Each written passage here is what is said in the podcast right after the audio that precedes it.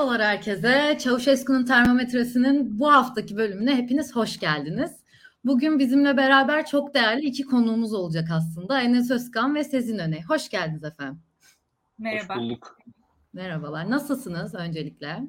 Türkiye'den hallice diyelim. Valla ben hastayım. Ee, İşte Geçmiş Covid olsun. oldum. Bir haftadır Oo, evdeyim. geçmiş olsun. Eyvallah sağ olasın sizin. Bir haftadır Aslında- evdeyim. Tam bir hafta oldu. Pazartesi geçen hafta karantinaya girmiştim. Ama toparladım yani. iyiyim gibi. Aslında en dikkat etmemiz gereken dönemdeyiz e, hepimiz herhalde. Aşılara çok güvendik ama e, herhalde bu dönemi daha bir dikkat ederek atlatmamız gerekiyor. Ya evet yani aşıya güvendik. Şöyle bir de ya o işe gidiyorum falan filan. Ee, Çok trafik olunca artık dayanamadım yani. O kadar trafik çekmeye dedim. Biraz Marmaray falan kullanayım. Vallahi kaptık birilerine de kaptırdık mı artık Marmaray'da, metroda bilmiyorum ama artık hayırlısı olsun. Hakikaten. Enes'le aynı durumdayız. Ben de sürekli toplu taşım kullanan bir insan olarak e, hakikaten düşünmemeye çalışıyorum öyle diyeyim. Yani ama iyiyim yani. Bayağı toparladım. Hafiften bir beyin sisi diyorlarmış gerçi Pırıl. Hani sorularına cevap alamazsan ya da değerli izleyicilerimiz bir şeylere cevap ver. O bende hep olduğu için yani e, yeni bir durum değil. Ama sizi iyi gördüğümüz için gerçekten mutlu olduk. Aslında bu hafta Burak hocamız da yayında bizimle beraber olacaktı ama e, biliyorsunuz bugün İstanbul'da ve Marmara bölgesinde ve Ankara'da da hakim bir fırtına durumu ve lodos durumu var. Öncelikle etkilenen herkese bir geçmiş olsun dileklerimizi diliyoruz. Evet. Burak Hoca'da da bir elektrik kesintisi durumu yaşanıyor şu anda evinde. O yüzden yayına katılamayacak. Bugün bizimle beraber olamayacak. Bir an önce bu durum bütün Türkiye'de düzelir. Fırtınaya esir olmayız daha fazla deyip oradan da bir geçmiş olsun dileklerimizi iletelim herkese. Umarım. Aslında Ankara'da ben de aynı durumdayım. Yani ben de Ankara'da kaldım gibi bir durum oldu. Böyle arkadaşlarımız vesaire. Öyle hakikaten de bu e, aslında iklim krizinin e, getirdiği bu haller e, çok da herhalde bütün hayatımızı bundan sonra etkiliyor olacak. Böyle ekstrem hava koşulları vesaire.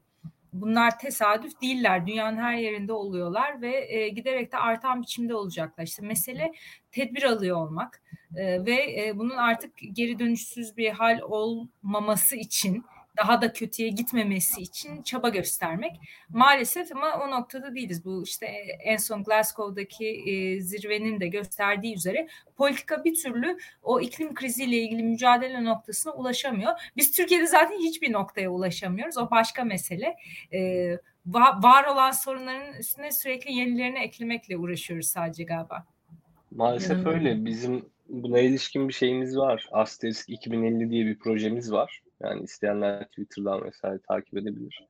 Aslında siyasal partilere bu e, kalkınma politikalarının yani yeşil kalkınma politikalarının nasıl olabileceğine ilişkin öneriler sunmayı amaçlıyoruz orada. Yani bir şeyler de yapıyoruz ama tabii biraz daha e, henüz lafı sözü geçmeyen partilere yapıyoruz. Hani geleceğe hazırlık olsun diye. Yani iktidar partisine daha doğrusu iktidar ortaklarına işte Vatan Partisi, MHP, e, Büyük Birlik Partisi ve AK Parti'ye erişebilmek çok mümkün değil. Diğer partilere daha çok yapıyoruz. Yapabileceğimiz ne varsa. Umarım hani önümüzdeki süreçte kalkınma odaklı e, politikalara biraz daha aslında yeşil soslar katabiliriz. Dünyada da bunun çok şeyi var tabii. E, artık yani ben de bir ekonomist olarak yakından takip ediyorum haliyle mecburen. E, mesela Almanya'da şimdi yeni kurulan bakanlık daha doğrusu yapısı değiştiriliyor. Ekonomi ve iklim politikaları üzerine.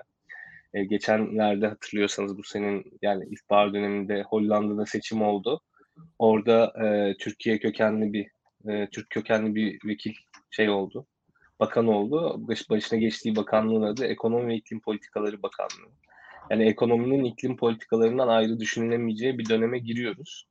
Buna yani sizin ideolojiniz, şununuz bununuz ne olursa olsun böyle bir şeye giriyoruz. Yani isterseniz buna hiç katılmaya da bilirsiniz. Yani isterseniz küresel ısınma yok da diyebilirsiniz ama rasyonel bir siyasetçiyseniz, medeni dünyadan dışlanmak istemiyorsanız, bir şekilde e, ürünlerinizin %70'ini 80'ini sattığınız bir Batı ittifakı var ve onlar bunları kabul ediyorlarsa siz de e, isterseniz hiçbir şeye inanmayın, isterseniz küresel ısınmaya da inanmayın ama ekonomi ve iklim politikalarını artık beraber düşünmek zorundasınız deyip devam edebiliriz. Tirat attım. Yok çok doğru. Aslında bütün bunlar birbirinden artık ayrılmaz noktaya geliyor. Zaten geleceğin dünyasında bir şekilde ekonomide de yer alıyor olabilmek için yoksa şey, asıl şimdi konuştuğumuz bu yaptırımlar işte S-400 yaptırımlarıydı vesaire de asıl iklim üzerinden gelmeye başlayacak ister istemez. ve ona göre o tedbir alanlar ve almayanlar gibi bir ayrım ister istemez olmaya başlayacak. Mesela Çin'de bütün e, şimdi ekonomisini buna göre şekillendirmeye çalışıyor. Çin gibi bir de bunu yapıyorsa, yapmaya çalışıyorsa e, ki e, Avrupa biz hep Batı e, tarafından konuşuyoruz ama yani dünyada aslında bütün bu e, yaklaşımların ne kadar değiştiğini görmek için Türkiye'nin de çok daha hazırlıklı olması lazım. Ama şimdi tabii ki e, bir de çok derin e, de bir ekonomik krizin içine yuvarlanırken e, hakikaten e, ciddi sıkıntılar yaşanırken e, buna işte sıra gelmiyor bir türlü konuşmaya etmeye. Halbuki e, yeni siyaset muhakkak bunu içermeli ve önerilerinde çözüm önerilerinde getireceği e, iklim krizini e, yeşil sos değil ama yani bu arada sos paket olmasın gerçekten içerik olarak da çok daha e, birçok şeyi farklı yapmak zorundalar. E, umarım da bunun farkındadırlar ve takip de ediyorlardır. Aslında sizden hazır topu almışken çok haklısınız yani sürdürülebilir ekonomi, sürdürülebilir politikalar bunları konuşmamız gereken 21. yüzyılda aslında dünyanın da buna odaklandığı 21. yüzyılda Türkiye'de bugün de aslında sizinle beraber ekonomi konuşacağız ama Türkiye'deki ekonominin nasıl bir milli güvenlik sorunu olduğunu ve şu an ekonomik durumu birazcık size sorup oradan bir konuya geçmek istiyorum. Yani çok fazla yayında konuşuldu aslında. Daktilo'da da çok fazla konuştuk ama son üç senedir Türkiye ekonomi Türkiye'nin yumuşak karnı diyebiliriz sanırım. Siz de bana katılırsınız. Belki daha uzun bir süredir de diyebiliriz buna. Ama özellikle son iki haftada yüzde yirmi değer kaybeden bir Türk lirası var. Her gün artan fiyatlar var. Marketlerin stoklara karşılık getirdiği alım limitleri var. Çünkü fiyatın artmasından korkuyorlar. Stokçulardan çok korkuyorlar. Böyle bir ekonomik kaos içerisinde yaşıyoruz yani. Bu bir ekonomik gerçeklik. Bunlar bir gerçeklikken Erdoğan, Cumhurbaşkanı Recep Tayyip Erdoğan yine bugün bir açıklama yaptı. Bundan sonra tekrar bugün güncel olarak onu bir sormak isterim size. Tekrar bir dalgalanma gördük. Çünkü bir faiz belki arttırımı beklerken faiz sebep enflasyon neticedir gibi bir açıklama yaptı ve faizin ben hala karşısındayım. Hep de karşısında olmaya devam edeceğim dedi. Bunları öncelikle nasıl yorumlayabiliriz? Size bunu sormak isterim. Ben mi başlayayım? Sizin istersen sen başla. Biraz daha güvenlik Bu sefer sözü erkeklere verelim. Eyvallah. Teşekkür ettim. Ya aslında sürekli Erdoğan'ın ben ekonomistsem, ben ekonomide okuduysam, benim okuduğum şey ekonomiyse falan gibi böyle garip açıklamaları var. komik yani işte bir, derin bir cehaletin ürünü tabii yaptığı tüm açıklamalar neredeyse. Ama burada şöyle bir şey var. Bu derin cehalet sadece işte kendi ailesini, işte eşini, dostunu etkilese kimsenin umurunda olmaz ama e, Türkiye'yi kocaman bir aile e, ne derler artık ailesinin yönettiği bir hale getirdiği için Türkiye'yi aileden insanların her yerde sözünün geçtiği bir yer haline getirdiği için aslında ağzından çıkan her şey bizi de etkiliyor. Tabii hani söylediklerine katılıp hani katılmamak katılmak zaten mümkün değil. Orası işin başka tarafı. Ama gerçeği eğip büküyor. Yani gerçeği eğip bükmesi zaten esas sıkıntı. Çünkü o gerçeği eğip bükse de gerçek gelip kendini dayatıyor. İşte gerçek gelip kendini nasıl dayatıyor? Biraz da tabii işte aslında insanların en kolay e, ölçüm aracı olan ekonomiye ilişkin dolar kuruyla dayatıyor. İşte Hani hiç karmaşık bir şey değil çünkü dolar kuru. Yani baka, bakıyorsunuz ve fiyatı görüyorsunuz. Fiyatı artıyorsa aslında anlıyorsunuz ki ekonomi kötüye gitmiş. Azalıyorsa ekonomi iyiye gidiyor olabilir. Yani aslında insanlar böyle değerlendiriyor. Biraz dolar kuru insanlar açısından böyle bir gösterge. Yoksa tam belki bu e, minvalde olmasa da her şey.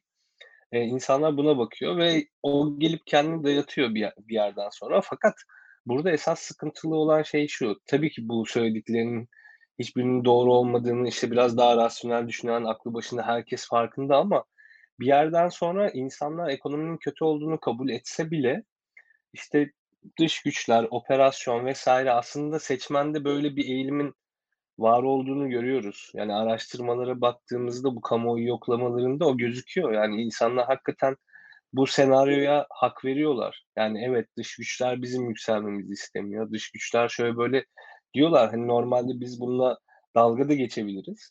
Ama bu da bir başka gerçek esasen. Yani işin başka bir gerçeği, gerçek yönü de bu. Tamam evet fiyatlar gerçek. İşte dolar kuru gerçek.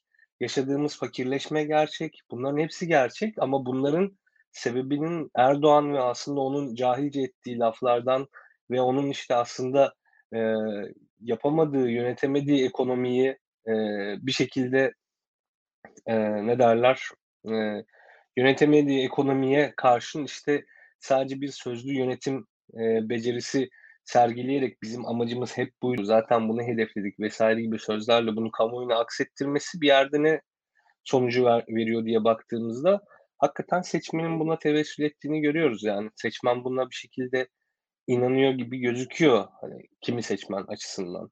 Tabii ki anketlerde bir gerileme vesaire var ama bu damar işte öyle basit bir damar değil. Onun bunu mesela ben şey yapamıyorum. Ee, ya ben bir ekonomist olarak bakıyorum ya da işte ekonomik oy verme davranışı hani okuduğum kadarıyla o açılardan bakıyorum. Çok mantıklı göremiyorum, bulamıyorum. Ama açıkçası siyaset bilimciler buna ne der ne değildir.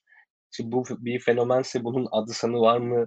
E, nereye doğru gider ona bakmak lazım. Yani iki gerçek birbiriyle çatışıyor. Bir gerçek hayatımızın gerçekten e, kötüye gittiği, gerçekten refahımızın düştüğü, gerçekten fakirleştiğimiz gerçeği ama bir gerçek insanlığın bu işin sebebini e, işte hükümetin politikalarında değil aslında dışarıda bir yerde yani kendisinden gayrı bir yerde araması gerçeği. Bu ikisi arasında sıkışmış bir durumdayız. Bilmiyorum bakalım ne olacak.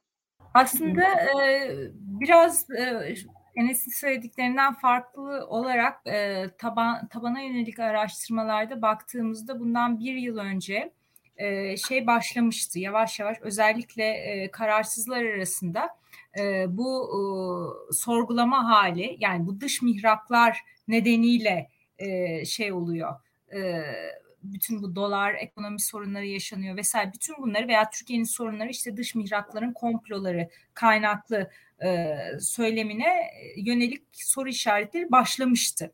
Üstelik de AK Parti seçmenleri, MHP seçmenleri e, o e, veya seçmeni ol, olmuş olan bu partilerin ve sonradan uzaklaşanlar arasında da bunu görüyorduk. Yani insanlar artık o dış mihraklar söylemini çok fazla satın almamaya başlamışlardı.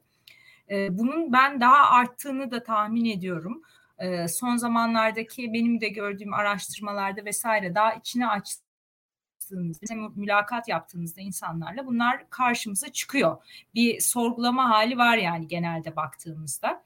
Ee, öyle eskisi gibi yani o, mesela e, 2016 özellikle 17 o civarlarda biraz daha farklı e, Enes'in söylediği gibiydi ama son zamanlarda dediğim gibi e, pandemi sonrası özellikle artan biçimde bir e, bu söylemden uzaklaşma oldu. Bir, bir şeyi çok fazla kullanırsanız artık o laçkalaşmaya da başlayabiliyor. Biraz böyle bir tarafı da var işin. O kadar çok dış mihraklar her şeyi açıklamak için kullanıldı ki. Mesela Rahip Brunson vakası e, burada önemli bir kırılma noktasıdır. Orada eğer işte Rahip Brunson bu kadar e, büyük bir işte dış mihraktı vesaire ise niye ondan sonra serbest bırakıldı? E, veyahut da şimdi mesela bu Birleşik Arap Emirlikleri'ne yönelik dönüşle ilgili e, bir veri yok elimde onu bilmiyorum ama mesela oraya orada da söylemin birdenbire işte bu düşmanlıktan yöne evrilmesi artık bu gibi şeyler tutmamaya başlıyor. E, bir süre sonra bakıyorsunuz e, insanlar da o kadar saf değiller. Tabii ki bir çekirdek seçmen kitlesi var ki onlar e, politikalardan memnun olmasalar, ekonomiyle ilgili sorunları da olsa ne olursa olsun e, şey yapıyorlar. Yani partilerine gene sadık kalıyorlar ve e, ne derlerse e, bir kabullenme halinde oluyorlar. Ama onlar giderek azalan bir kitle ve yani o demir çekirdek diyebileceğimiz e, tarafta da e, aşınmalar oluyor. ya hangi parti olsa bunu artık seçmenlerine bu arada çok satması bana kalırsa çok kolay değil. E, muhalefet için de aynı şey geçerli. Orada da baktığımızda sadece dış mihraklardı, işte e, komplolardı. E, oradan pe, o söylemlerden özellikle Türkiye'nin dünyada yalnızlaşması istenilmediği için ve Türkiye'nin daha e, bir e, aslında dünya ile entegre hale gelmesi de arzulandığı için e, bu özellikle gençler arasında baktığımızda araştırmalarda bir batı yönelimi e, genel olarak veyahut da dünya ile entegre olma arzusu daha da arttığını görüyoruz. E, ve o se- genç seçmen kitlesi de bana kalırsa e, bütün Türkiye'yi etkiliyor. Daha bir dinamo gibi.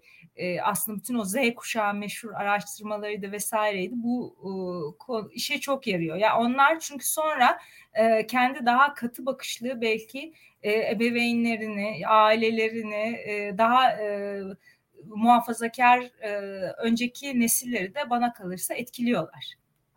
Aslında ben de tam orada Enes Hoca'nın konuşmasından sonra girecektim ama burada çok güzel bir şey yakaladık gibi hissediyorum. Birkaç yayın önce biz de burada konuşmuştuk. Yıllardır aslında ekonomide hep bir üçüncü parti suçlaması oluyordu. Yani muhalefet partileri olsun, başka olsun, dış güçler söylemi çok fazla konuşuluyordu. En son geçtiğimiz aylarda yazı başlayan bir beş market aslında beş markete gelen bir inceleme kararıyla beraber bunların hepsi olduktan sonra Erdoğan'ın daha fazla artan ben ekonomistim bana güvenin birazcık daha dışarıyı daha az suçlama belki de kendine güveni yaratma gibi söylemlerini gördük. Bu yüzden aslında şey gibi de buradaki şey de tabii ki anketlere bakmak gerekiyor ama dış güçler yaptı bu dolar artışını ekonominin bu halinden üçüncü partiler sorumludur söylemini halk gerçekten inanıyor mu? Bunu belki de bir sonraki seçimde göreceğiz deyip size bir de şeyi sormak istiyorum. Ee, evet dış güçleri her zaman suçluyorduk ama ilk defa... Orada bir... şeyi ekleyeyim Pırıl ya kusura bakma sözünü böldüm de. Estağfurullah. Yani tabii ki insanların hepsi, AK Partilerin hepsi dış güçler vesaire demiyor. Zaten anketlerde aldığımız her cevap gerçekten inandıkları cevaplar da olmuyor. Ama bu ekonomi politikasını destekleyenlerin oranına baktığımızda yüzde otuzların hala üzerinde olduğunu görüyoruz. Yani yüzde otuzların üst bandında. 36, 37 vesaire. Bu söyleme bir şekilde sarılma. Yoksa buna büyük ihtimal Tayyip Erdoğan da inanmıyor zaten. Zaten neyine inanacaksın? İnanılacak bir şey değil. Ya daha doğrusu e, doğruluğuna kani olabileceğin bir şey değil. Ancak birisi söylediği için inanabilirsin. Yani iman tarzında bir inanma olur. Benim dediğim orası erimiyor bir türlü. Yani o oradan böyle biraz daha aşağı doğru çekmemiz lazım. Bana hala çok garip gelen kısmı o mesela. Yani doların bir günde yüzde 10-15 aşağı yukarı oynaması falan gibi şeyler aslında e, ya çok etkiliyor aslında insanların hayatını. Doğrudan etkiliyor. E, ve orada hala şeyi görmüyoruz. Böyle yüzde yedilik sekizlik bir kayıp gördüğümüzde çok şey geliyor e, bu hani bilmiyorum çok şey bahsediliyor ya e, muhalefet partileri mi acaba bir alternatif sunamıyor falan gibi şeylerden bahsediliyor ya belki o orada mı acaba hakikaten bir eksiklik var?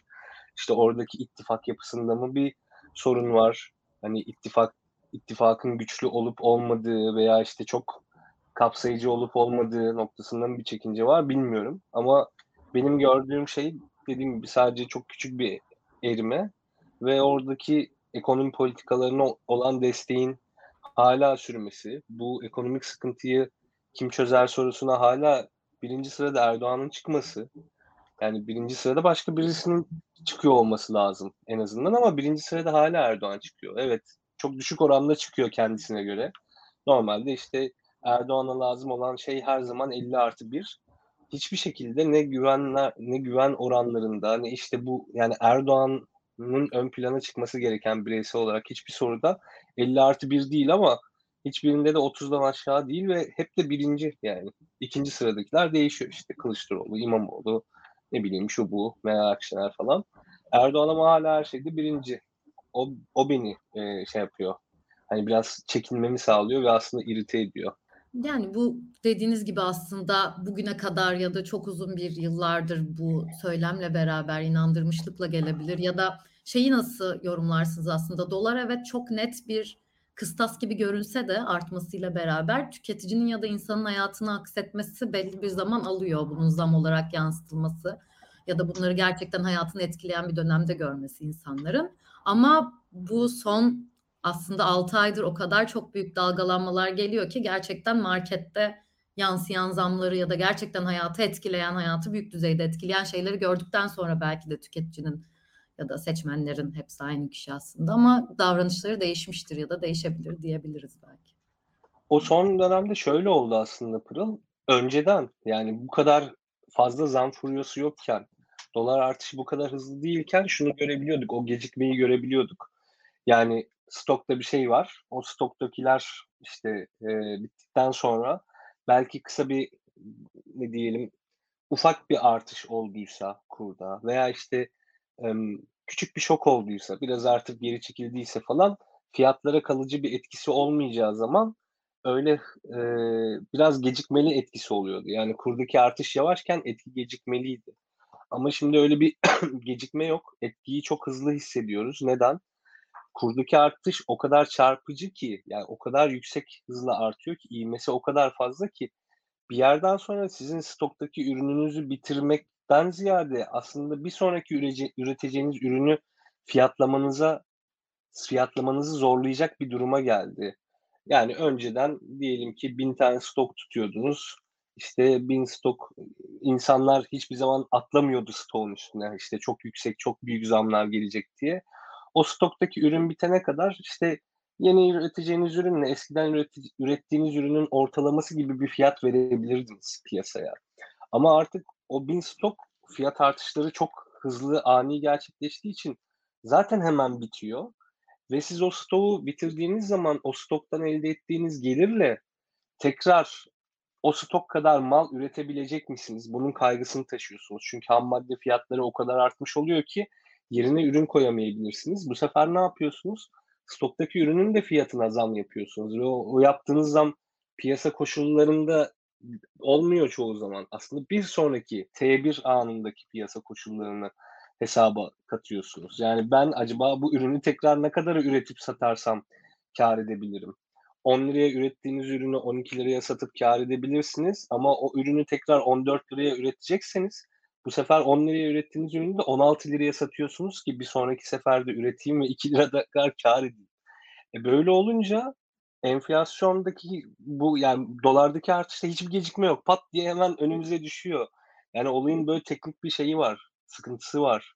Ee, yani ya da işte Hüsnü Bey'in yazdığı gibi raflar boş kalıyor. Çünkü adam üretemeyecek durumda ve hızlıca tüketmişler. Bugün aslında e, Akit'in haberini göndermiştim ya. Akit'te şöyle bir haber vardı gündüz. İşte bu Black Friday zamanı olduğu için işte raflar birden boşalmış işte şeyde Zara'da. Akit'te şöyle bir şey yazmış. E, işte ekonomik kriz var diyenlere Zara şoku falan. Böyle bir şey yazmış. Ya insanlar ne yapsın? Şunu anlay yani şunu anlayamıyorlar veya işte anlayıp anlamamadıkları dönem değil. Öyle aksettirmiyorlar. İnsanlar parasının elindeki paranın değer koruyan bir şey, değer saklayan bir şey olmadığını artık fark ettiler. Yani öyle bir şey olmadığı çok açık apaçık ortaya çıktı. Sürekli her şeyin fiyatı artıyor. Onun için sürekli bir şeylerin fiyatı artacak diye sürekli talep yoğun bir şekilde çalışılıyor. İşte diyorlar ya işte şeyde araba yok, işte galerilerde araba yok, işte Apple'da bilgisayar kalmadı, Zara'da mont kalmadı falan. Ya kalmaz tabii çünkü insanlar bir sonraki ay alacakları alacaklarında büyük ihtimal %20-30 zamlı alacaklarını bildikleri için ne var ne yok paralarını bir şeye bağlamaya çalışıyorlar. Şu an hakikaten işte ya ne satsanız gidecek durumda çünkü her şeyin fiyatı artacağı için insanlarda böyle bir inanç olduğu için mecburen alıyorlar. Mecburiyetten yani insanlar refahları düşmesin. Gerçekten fakirleşmeyelim diye şu an alışveriş yapıyor insanlar. Biliyor ki şu an araba almazsa seneye o arabayı iki katı fiyatına alacak. Resmen refahım düşmesin diye alıyor adam. Yani bu o kadar ters bir etki ki yani. Hani zengin olduğu için değil adam fakirleşmemek için alıyor. Yani refahım düşmesin diye alıyor. Ve bunu bile hala işte böyle anlatıyorlar ediyorlar. Gerçekten insanın çıldırması yani çıldırması işten değil hakikaten yani. Evet, aynen öyle. Bugün almazsam yarın alamam diyerek alıyor deyip sözü size bırakıyorum Sezin Hanım. Yani bir kere bu dolar kuru e, ile refah düzeyi arasında insanların kafasında çok net bir şey vardı Türkiye'de. Yani bu da Berat Albayrak'ın o dolarla mı maaş alınıyor vesaire söylemi olduğu zamandan itibaren orada bile sorduğunuzda insanlar net biçimde bu, hayatında dolar görmemiş olsa bile bu bağlantıyı kuruyorlardı. E, öyle bir e, minimum anlayış var bir kere e, ve bu giderek de daha yaygınlaştı. Dolayısıyla o dolar e, seviyesi insanların ekonominin nasıl gittiğini e, ilk anlamak için baktıkları, kendilerine kriter seçtikleri ve üstelik de her partiden yani seçmen aidiyeti de burada çok önemli değil. E, ilk kıstastı diyebiliriz. Şimdi tabii ki yani orada bir kere bu ne oluyoruz hali, bu anksiyete diyelim e, varoluşsal bir anksiyete insanlara yayıldı giderek. Burada ilk defa sokağa çıkıyorsa insanlar ilk defa ekonomiyle ilgili bu kadar ciddi şikayetleri her yer sokakta şöyle bir dolaştığınızda zaten bunu duyuyorsunuz ve her kesimden insanın farklı dertleri var aslında hep onu vurguluyorum. Bütün e, sınıflar e, bir e, seviye aşağı kaydılar. Herkes de bir ne kadar zenginmişiz, daha önceki halimiz ne kadar daha iyiymiş bir kere düşüncesi var. Elbette bir yandan Enes'in başta söylediklerine katılıyorum. Şimdi normal şartlar altında Türkiye'nin başka bir zaman diliminde olsak belki bu seçmen davranışına yansımasını çok daha net görürdük. Bu işte çok yavaş yavaş aslında oluşan bir durum e, iktidar partisinden uzaklaşma, o demir çekirdek oyuna inme ve orada da bir hala demir çekirdek duruyor ama. E, bir türlü o e, patlamış, aşınmış, e, erimiş, tamamen gitmiş değil. Daha da önemlisi o kararsızlara kayanlar bir yere ilerlemiyorlardı. Ben onları hep ayaklanmış ve e, adımını atmamış insanlar olarak niteliyordum kararsızları. Özellikle işte iktidar partisinden ve MHP'den doğru kayanlar vardı. Ama şimdi onlar artık kesinlikle bir daha oturmuyorlar. O da net. Yani dolayısıyla AK Parti'nin e, o kitleyi geri kazanabilmesi de mümkün değil. Onlar belki tam olarak ayaklarını bir yere atmışlar veyahut da yerleşmiş değiller ama reaksiyonerlikle, benimseyerek değil. Ama reaksiyonerlikle e, başka partilere kaymaları da çok daha söz konusu. E, yeni partiler olabilir bu. Yani İyi Parti artık daha eski bir yeni parti olarak sayalım. İyi Parti olabilir, CHP olabilir. O reaksiyonel ve başka normalde gitmeyecekleri yerlere artık e, gitme niyetindeler. E, belki o hareketlenmeyi tam görmüyoruz. Bu arada bütün bu anketlerin de bir kısmının hala e, yüz yüze yapılmadığını unutmayalım. Yüz yüze anket yap yapmak çok pahalı. Asıl e, doğru olanı o ve sonuçlarına güvenilecek olanı o ve genellikle bu pahalı anketleri yapanlar da kimseyle paylaşmıyorlar. Bakın e, en az verisini gördüğünüz aslında ortada belki de en doğru verilere sahip olandır. Çünkü onu büyük bir maliyetle ancak üretebiliyorlar ve belli e, taraflara ancak satıyorlar yani verilerini. Dışarıya verilen veriler genelde e, her zaman değil ama genelde yüzde 90 aslında e, kendi reklamlarını yapmak için anket şirketlerinin paylaştığı verilerdir. Bir e, e, publicite kazanmak için genel olarak popülerite kazanmak için medyatik olmak için kullandıklarıdır. Bunu da unutmayalım. E, onun için e, aslında ne kadar e, etrafta dolaşan rakamlara ne güvenebiliriz? Bu ortamda, e, bu durumda kim ne kadar cevap veriyor, ne yapıyor? Bütün bunlar e, da aklımızda olmalı. E, ama işte o parti aidiyetleri hala çok etkili iste. Çünkü Türkiye'nin başka zamanında olsaydık biz o erimeyi ekonomik e, sıkıntılarla, e, şikayetlerle o seçmen davranışındaki değişimi çok daha hızlı gözleyecektik ve çok daha net gözleyecektik. Şu an işte onu e, daha yeni yeni ancak etkilerini görüyoruz. Bu kadar ağır ekonomik koşullar yaşanmasına rağmen o bakımdan Enes'e de hak veriyorum açıkçası. Aynen öyle. Size katılmakla beraber e, Birazdan Burak hocamız gelecek yayına. Muhtemelen elektrik sorunlarını çözdü. Onu beklerken ben sadece bir şeyi de göstermek istiyorum. Bugün Euronews'un yayınladığı bir aslında grafiğe, infografiğe Aa. denk geldik ve 2017'den beri ya da 2005'ten beri aslında Türkiye'deki ekonomik durumun nasıl 2021 üçüncü çeyreğinde şu an e, birazcık daha kötüye gittiğini, Doğu bloğu ülkeleriyle askeri ücret üzerinden, bürüt askeri ücretten sıralamayı gösteriyor. Buna da baktığımız zaman aslında geçmiş yıllardaki ekonominin durumuyla şu andaki ekonominin durumunun aynı olmadığını, birazcık daha tepki beklememiz gerektiğini seçmenden sizin dediğiniz gibi belki kayışları göreceğimizi burada çok daha net anlattığını görebiliriz diyerek size aslında bugünkü başlığımız olan birazcık da Milli Güvenlik Kurulu açıklamasını sormak istiyorum. Çünkü ilk defa aslında Milli Güvenlik Kurulu bir bildirisinde Türkiye'nin hedeflerine uygun şekilde ekonomi politikalarını hayata geçirme sürecinde karşılaştığı ve karşılaşabileceği e, sınamalar ve tehditleri değerlendirilmiştir Milli Güvenlik Kurulu'nda gibi bir bildiri açıklaması gördük. Bunu bu dış güçler söylemini biraz önce konuştuk ama acaba dış güçler söylemi halk tabanında belki karşılık bulmuyor diye bir de Milli Güvenlik Kurulu'nda mı tartışıldı bu ya da bunu nasıl yorumlamak gerekir? Siz bunu nasıl görüyorsunuz? Bu sefer Sezin Hanım sizinle başlayalım isterseniz. Şimdi tabii yani kime göre milli güvenlik sorunu? Tabii ki e, bu iktidardan e, düşürmeyi e, tehdit ettiği partiye yönelik güvenlik sorunu oluyor. İktidara yönelik bir güvenlik sorunu oluyor. Yoksa Türkiye'nin geneline e, yönelik vatandaşların refahını vesaire düşündüğünüzde herhalde böyle bir e, güvenlik sorunu olmaması lazım. Olsa olsa insan sağlığı, insanın insanların, vatandaşların en yüksek hayrı bakımından bir zarar e, söz konusu olabilir ki onu pek düşündüklerini, akıllarında bunun olduğunu zannetmiyorum. Burada hakikaten e, bu e, her şeyin bir güvenlik tehdidi olarak algılanması, her şeyin işte bu düşmanlaştırılması ama neye göre işte o, Türkiye'nin bekası hep işte söylenen aslında çoğu zaman iktidarın kendi bekasıydı ve burada da aslında aynı durumu görüyoruz.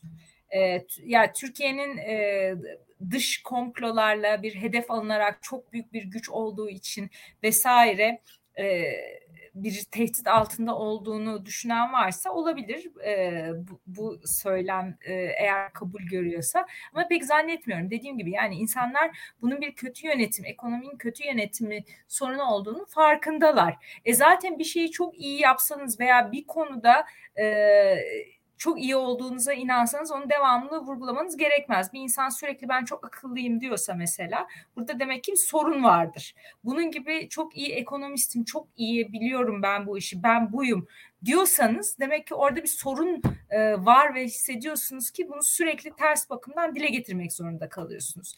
Yoksa olan bir şeyi sürekli vurgulayarak övün, övünmek zorunda veyahut da ki bunu özellikle e, iletmek zorunda hissetmezsiniz kendinizi. Siz ne dersiniz Enes Hocam buna? Yani MGK yani yaşı hatırlayanlar bilir ama genellikle benim yaşımdaki insanlar için daha travmatik bir kurum. Yani MGK kararları hakikaten bu askeri vesayet şu bu muhabbetleri vardı ya işte AK Parti'nin ortadan kaldırdık dedi. Aslında ortadan kaldırmamış. Bayağı askeri vesayetin kendisi olmuş durumda AK Parti. Yani e, tasmasını tuttuğu bir e, hayvan gibi kullanamazsınız yani askeri vesayet araçlarını bir zaman askeri vesayet araçlarını. Yani sürekli insanların tepesinde demokrasinin kılıcı gibi duramaz Türkiye'nin kurumları. O, o nedenle ben aslında bu MGK bildirisinden gerçekten hicap duydum. Yani Türkiye'nin hakikaten geleceği adına çok korkunç bir şey. Çünkü biz bunları aştığımızı zannediyorduk. Yani gerçekten tüm bunlar geçti, geride kaldı bir şekilde başımıza başka bir bela sarıldı ama en azından şunlar da geçti artık bunlar olmayacak falan gibi düşünüyorduk. Fakat bunların hepsi aslında hiç geçmemiş. Gayet hala tepemizde demokrasinin kılıcı gibi sallanabilirmiş. Ee, o çok bahsettikleri askeri vesayet kurumları. Bu benim için çok korkutucu bir şey açıkçası. Yani zaten insanlar bir şekilde e, ifade özgürlüklerinin olmadığından yakınıyorlar, bundan kaygı duyuyorlar. Herkesin aklında bin bir türlü soru işareti var. Yarın bir gün gerçekten kimse başına ne geleceğini bilemiyor. Çok büyük aslında emek harcıyoruz birbirimize dayanışmak için. Çok ağır psikolojik e, bedelleri ödüyoruz aslında bir şeyler anlatırken, konuşurken şudur budur. E üstüne bir de böyle şeyler yaşanması hakikaten bize ya travma yaşatıyor. O nedenle hakikaten e, çok ne diyeyim yani çok hicap duyuyorum. Hakikaten utanıyorum yani. Hani benden küçük herkesten ben utanıyorum. Bu adamdan utanmıyor yani bir şekilde. Çok garip bir duygu. Ama e, tabii bu burada hani ekonomiden bahsedilmesi çok şey değil. Çok bir anlamı yok. Yani şu an dert sıkıntı bu işte ekonomi işte Sezin'in dediği gibi işte sürekli vurgulamaya çalıştığı şey ekonomi. Çünkü dert ekonomiyle işte ekonomistim diyecek, şunu yapacak, bunu yapacak. Hani çok şey değil ama bunu güvenlikleştirmesi yani her şeyin güvenlikleştirilmesi, her şeyin bir şekilde e, güvenlik aracına dönüştürülmesi veya indirgenmesi bir yerden sonra o konularla ilgili yani hükümetin içerisinde bile ya da işte hükümet demeyelim de Tayyip Erdoğan'ın yakınlarının içerisinde bile hani e, aykırı en ufak bir fikir sunabilecek insana karşı e, müthiş bir şey, ön yargı yaratıyor. Mesela Türkiye neyi yaşadı aslında? Doların işte çok yükseldiği sonra Naci Ağbal'ın gelip işte görece daha rasyonel politikalarla çat diye dolarda hakikaten ciddi bir oranda düşüş sağladığı, işte dış borç ödemelerinde bayağı bir e, maliyenin rahatlatan bir hamle yaptığını gördü. Buradan şunu anlıyoruz yani Erdoğan'ın artık MGK'yı bile bu amaçla kullanması doğrultusunda artık o Naci Ağbal hamlesi bile hani o bile hani o zaten müthiş bir hamle olduğu için falan filan söylemiyorum. Yani bir şekilde iyiye doğru hafiften bir gidişti ya da işte kötüye gidişe ilişkin böyle bir ya frene basmak gibi bir şeydi Naci Ağbal hamlesi. Artık o bile olmayacak. O bile yaşanmayacak. Bunu görüyoruz. Onun için de şey hani olacak şeylerin hızı noktasında, yaşanacak şeylerin hızı noktasında hakikaten beni çok korkutan, çekindiren bir şey e, MGK bildirisi. Bence güçlü bir şey. E, ne derler? Güçlü duygular uyandırıyor. Yani bende ve özellikle gördüğüm kadarıyla en azından benim yaşımda olan insanlarda yani işte o 2000'lerin başını işte 90'ların sonunu hatırlayabilen insanlarda. Bir de şey var şu bakılan e, şu tarafından bakalım. E, bu hep dış mihraklar dış mihraklar. Ondan sonra e, aslında ekonomik olarak Türkiye'nin o kadar büyük bir ihtiyacı oluyor ki dış yatırıma. Şimdi Birleşik Arap Emirlikleri'nin Katar'ın bu ülkelerin bu kadar söz sahibi olması Türkiye ekonomisinde o peki nasıl bir güvenlik durumu? Veyahut da hakikaten ekonominin bu kadar kırılgan kılınması ve her türlü dünyadaki dalgalanma, iniş çıkış her şeye bu kadar açık oluyor olması nasıl bir güvenlik sorunu? Biraz da buradan belki bakmak lazım aslında. Ee, ekonominizi ve kendinizi bu kadar aslında e, her türlü e, dışa dış e, tarafa bağımlı kılarsanız çok da güven, güvenlik bakımından da aslında açık takalıyorsunuz aslında bu, bu bu tamamen yönetimden kaynaklanıyor ve bu işte o MGK bildirisine geçmeyen tarafı işin. O orada o konuda bir sessizlik kalıyor. E, ve kamuoyunda da tabii çok e, büyük bir aslında farkındalık var. E, ve e, hatta bu reaksiyonel bir rahatsızlığa da dönüşebilir.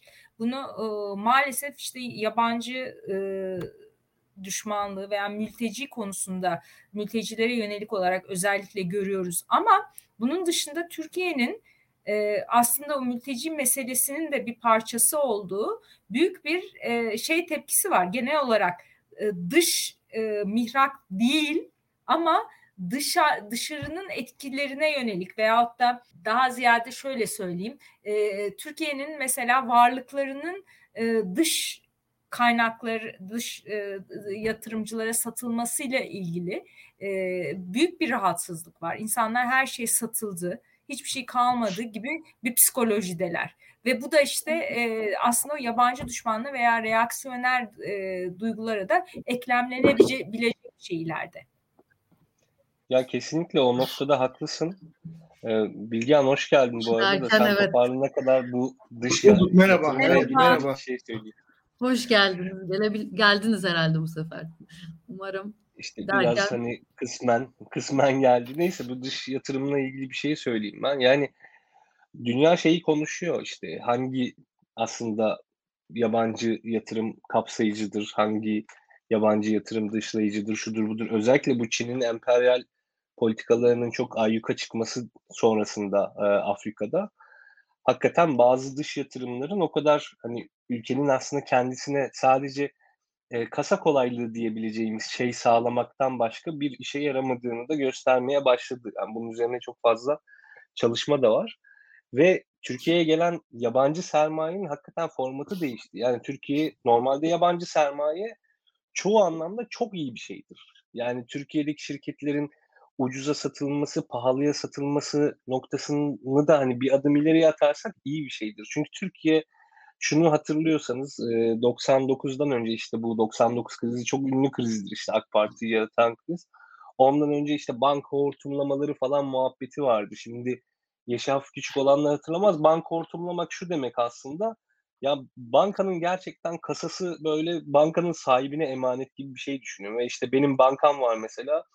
Bir yandan da şirketlerim var. Sürekli kendi şirketlerime kredi veriyorum. Kendi bankamdan falan. Böyle bir şey düşün. İşte o Kemal Derviş geldikten sonra Türkiye bu uluslararası bankacılık standartlarına geçti ve aslında tüm bu bahsettiğim şeyleri ortadan kaldırdı o sistem. Yani kendi şirketlerine kredi verme olsun, işte kendi iştiraklerine e, yoğun bir şekilde kredi verme olsun, mevduatı böyle kafasına göre hakikaten harcamak olsun.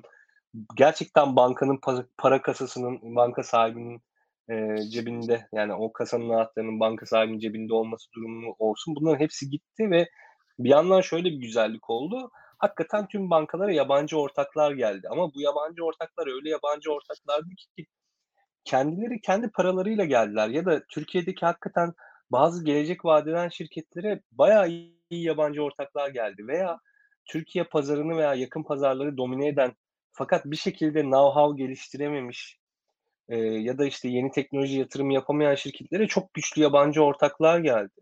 Şimdi bu müthiş bir yabancı sermaye formu. Yani kendi parasıyla gelen. Ama Türkiye'ye son zamanlarda gelen yabancı sermaye bakıyoruz.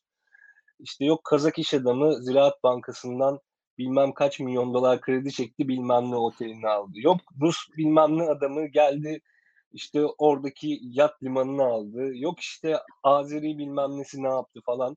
İşte Katar'dan swap yaptılar. Birleşik Arap Emirlikleri'nden 10 milyar dolar sözü falan verdiler. Yani söz verme ne demek? Yani ortada bir anlaşma yok, bir şey yok, ne bileyim bir centilmenlik anlaşması falan filan bile yok. Ya bu böyle yabancı sermaye falan olmaz zaten gelmiyor. İşte Türkiye'ye gelen yabancı sermayenin niteliği, kalitesi, yarattığı etki her şey değişti.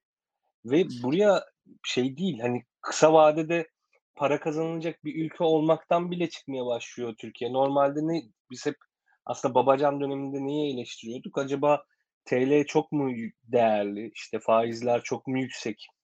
Hani o noktada da bazen eleştiriliyordu. Türkiye çünkü kısa vadeli fonlar için çok avantajlı hale geliyordu ve onun için çok böyle sıcak para dediğimiz şey böyle çok akıyordu. O zaman o eleştiriliyordu. Şimdi onu bile yapamayacak hale geldiniz ve bir yandan onu yapamaz haldeyken üstüne bir de faizleri falan düşürdünüz. İyice böyle her yani her şey karman çorman oldu. Onun için o yabancı yatırım hani Orta Doğu'dan gelen yabancı sermayenin hakikaten niteliği, yarattığı etki vesaire farklı. Yani sadece para getiren, know-how getirmeyen bir yabancı sermaye türü. Hiçbir şekilde ortaklık, aslında partnerlik kurmadığınız, sadece e, ne diyeyim işte yani böyle alelade bir yatırımcı hani yani para ve o paranın da hani nereye nasıl harcanacağına ilişkin de zaten elimizde bir done olmadığı için e, ne olur ne biter bilemiyoruz. Ama sizin evet. söylediği şeyi çok haklı. Onlar da yabancı değil mi? İşte şirketleri şimdi şu an Türkiye'nin çok ucuzladığı e, acaba ucuza almayacaklar mı falan ona ilişkin bir endişe var mı yok mu? Ona ilişkin bir endişe hani çarpıcı bir şekilde gözükmüyor. Normalde aynı şeyi Amerika yapsaydı Türkiye'de böyle kadim bir Amerikan düşmanlığı da var. Yani Amerika gerçekten gelip biz işte 15 milyar dolar yatırım yapacağız şu an Türkiye'ye falan filan deselerdi nasıl tepki doğardı ama şu an doğan tepkinin şekline baktığımızda gerçekten çok şey değil. Yani birbirine denk değil. Garip bir şey. Evet. Burak Hocam sizden de aslında bu ekonominin bir milli güvenlik meselesi olması, dış güçlerden e, ekonomimizi korumamız gerektiği konusunda yorumlarınızı dinleyelim mi? Kimdir bu dış güçler? Kim, kimden neyi korumamız gerekiyor? Ee, şimdi öncelikle Milli Güvenlik Kurulu'nda şu anda bir ekonomist yok. Yani Milli Güvenlik Kurulu üyelerine baktığımız zaman 3 kuvvet komutanı var, Milli Savunma Bakanı var, İçişleri Bakanı ve Dışişleri Bakanı var. e, Adalet Bakanı var, Cumhurbaşkanı Yardımcısı var ve Cumhurbaşkanı var. Bunlar arasında ekonomist yok. Dolayısıyla alınan kararın, uygulanan e, politikanın iktisadi rasyonalitesini anlayabilecek ve bunu tartabilecek kişiler değil bunlar. Öncelikli olarak bunu söyleyelim. İkincisi Milli Güvenlik Kurulu'nun biz ekonomiye müdahalesini ilk defa görmüyoruz. Geçmişte de gördük. 2003 senesinde Milli Güvenlik Kurulu Genel Sekreteri Tuncer Kılıç bir beyanat verdi. Ve ilginç bir şekilde 2021'de bizim uyguladığımız ekonomi politikası 2003'te Tuncer Kılıç'ın e, beyanatlarıyla çok uyuşuyor. Şimdi izin verirseniz ben o açıklamayı e, sizinle paylaşmak istiyorum. Eğer internete bağlanabilirsem. Milli Güvenlik Kurulu Genel Sekreteriydi. Çok önemli bir isim. Bir, bir dönem çok konuşuluyordu. Şimdi ekonomiyi kurtarma reçetesi olarak diyor ki e, ben eğer diyor ekonominin yönetiminde olsam ki 2003 senesi askerlerin halen daha etkin olduğu bir seneydi Türkiye siyasetinin üzerinde. E, diyor ki alırım boyayı basarım parayı. Zaten Amerika Birleşik Devletleri de bunu yapıyor. Berlin'de konuşmuş. Demiş ki Türkiye'nin iç ve dış borcunu eğer ben başta olsam 24 saat parasına çözebilirim. Bakın çok ilginç. Ee, salondakiler gülmüş. Bunun üzerine de demiş ki ne gülüyorsunuz? Sanki doların karşılığı mı var ki basıyorlar? O parayla millete faizsiz kredi veririm, dış borcu kapatırım. 2003 senesi. Tuncer Kılıçpaşa'mızın Milli Güvenlik Kurulu Genel Sekreteri olan Tuncer Kılıçpaşa'mızın faize karşı yaptığı açıklama. Yani MGK'nın ilk defa ekonomiye müdahalesi değil bu. Ee, 2003 senesindeki e, mantığın 2021 senesinde iktidar olduğunu görmek ve devlette devamlılığın esas olduğunu görmek hakikaten beni o açıdan mutlu ediyor. Yani bu, bu saçmalık 2021'de değil 2003'te de vardı ve Tuncer Kılıç'a o zaman en azından gülüşler salonda. Şimdi şu anda kimse gülemiyor tabii. Yani belki de güldüler değil. Piyasa coşar, iç borcu dış borcu ödemi falan dediğiniz zaman salondakiler gülmüş. Biz daha önce 2008-2009 yıllarında bu e, dünyadaki küresel kriz zamanında da hükümetin e, popülaritesinin düştüğünü gördük. Hatta 2009 yerel seçimlerinde biliyorsunuz oy oranı %40'ın altına düştü. Ve e, bu aslında hükümet için çok önemli bir uyarı e, uyarı sinyaliydi. Dünyada bir genel ekonomik kriz vardı ve Türkiye piyasası da bundan etkilendi. Şimdi o dönemde biliyorsunuz Ergenekon iddianamesi yayınlandı ve Ergenekon iddianamesinde çok enteresan bir cümle var. Onu da sizinle paylaşmak isterim. Kanal Türk'le alakalı kısımda. Diyor ki evet, ekonomiyi kötü göstererek darbeye zemin hazırlama suçu var. Dolayısıyla e, bu şöyle bir şey. Ekonomiden bahsettiğiniz zaman, ekonominin kötü olduğundan bahsettiğiniz zaman bu sizi otomatik olarak darbeci yapıyordu 2009 senesinde. Çünkü niçin? Tayyip Bey o zaman demokrasinin sahibiydi. Demokrasi ondan soruluyordu. Dolayısıyla Tayyip Bey'in ekonomiyi yönetme yeteneğini sorguladığınız zaman bu sizi otomatik olarak darbeci yapıyordu. 2021 senesine geldiğimizde Tayyip Bey şu anda milli güvenliğin sahibi. O yüzden eleştirdiğiniz zaman bu sizi milli güvenlik tehdidi haline getiriyor. Aslında değişen hiçbir şey yok. Yani 2009 senesinin ile 2021 senesi arasında tarz olarak, yöntem olarak AK Parti hikayesinde değişen hiçbir şey yok. Siz hükümetin ekonomi veya hayatın diğer alanlarındaki başarısızlıklarından bahsedemezsiniz. 2008'de darbeci olursunuz. 2014'te kandan beslenen barış düşmanı olursunuz. 2017'de PK tehdidi yani her zaman sürekli olarak Tayyip Bey'in arkasına sakladığı kendi iktisadi e, konulardaki ya da hükümeti yönetme konusundaki beceriksizliklerini arkasına sakladığı bir şey var. O yüzden 2009 senesinde Savcı Zekeriya Öz nasıl devleti kendi siper ettiyse Adalet ve Kalkınma Partisi'nin önüne. Şu anda da Milli Güvenlik Kurulu aynı şekilde kendisini siper ediyor. Bence Milli Güvenlik Kurulu Adalet ve Kalkınma Partisi Merkez Yürütme Kurulu'yla birbirini karıştırıyor. Kendisini karıştırıyor. Yani Milli Güvenlik Kurulu yerine Adalet Partisi Merkez Yürütme Kurulu'nda bir bildiri çıksaydı herhalde böyle bir bildiri çıkardı. O yüzden e, muhalif partilerin ısrarla, korkmadan grupların ekonomi konusunu konuşması lazım ve ekonomi konusunu konuşurken de Tayyip Bey'i de Milli Güvenlik Kurulu üyelerini de ciddi ekonomistlerle bu konuyu konuşmaya davet etmesi gerekiyor.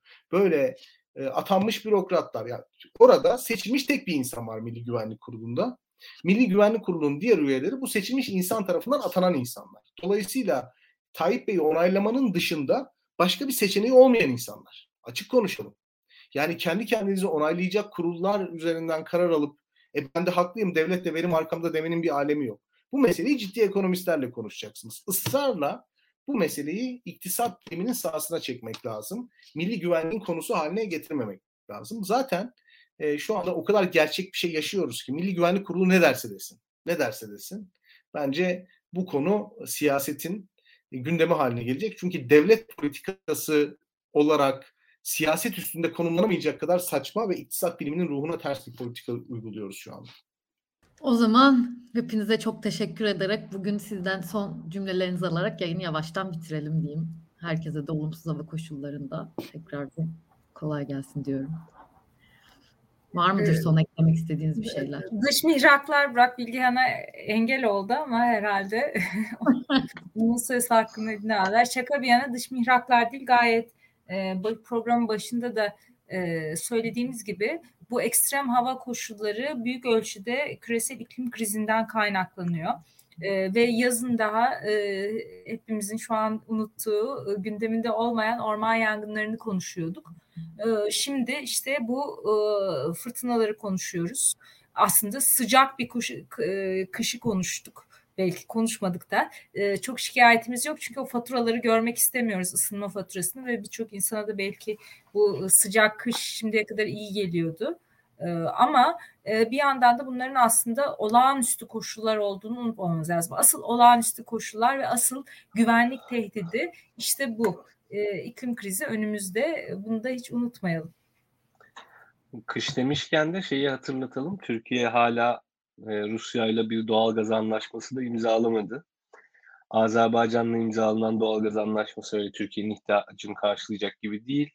Uluslararası spot piyasasından yani uluslararası spot piyasadan doğal gaz almak veya işte e, likit doğal gaz almak e, çok mantıklı değil. E, çok ciddi maliyetler. E, ve Türkiye hala bir şey açıklamadı yani. Hani gelecek belki Ocak Şubat ayı acaba doğal gaz açısından da Türkiye için sıkıntılı geçebilir mi diye aslında uzmanların da bir şeyi var. Onu da vurgulamış olalım yani onu da hatırlatmış olalım. Yani BOTAŞ zaten e, tarihin en büyük sübvansiyonlarını yapıyor. E, özellikle şeye e, hane halkının kullandığı doğalgaza. Buna ilerleyen dönemde bir kısıtlama mı gelir e, yoksa e, çok ciddi zamlarla mı karşılaşırız? Bunların hepsi masada olan seçenekler. E, o zaman hani iç mihrak, iç mihrak mevzularını hakikaten biraz daha e, biraz daha fazla konuşuruz gibime geliyor. Çünkü son olarak hani o kaldı. Yani evimizde bir şekilde oturup ısınabiliyor muyuz? noktasına gelmiştik. O bile sekteye uğrayabilir pozisyonda. Ben bunu da e, izleyenler biraz baksın araştırsınmak istiyorlarsa hani üzerine okuma yapmak istiyorlarsa bizim bir enerji krizi dosyamız vardı. Daklo 1984'te yayınladığımız. Oraya bir bakabilirler diyerek çok bu güzel yayın için sizlere çok teşekkür ediyorum. Umarım ben teşekkür sonraki... ederim. Sizin aranızda olmak her zaman çok güzel. Çok teşekkürler. Çok keyifli bir yayındı. Umarım ekonominin daha iyi olduğu, burada sürdürülebilirlik politikaları konuştuğumuz bir sonraki yayınımızda görüşürüz, görüşürüz sizinle diyorum. Onu da bir yere yapalım tabii ki. Yani her zaman yapalım. Çok güzeldi. Ağzınıza sağlık. Haftaya görüşmek üzere. Herkese iyi akşamlar.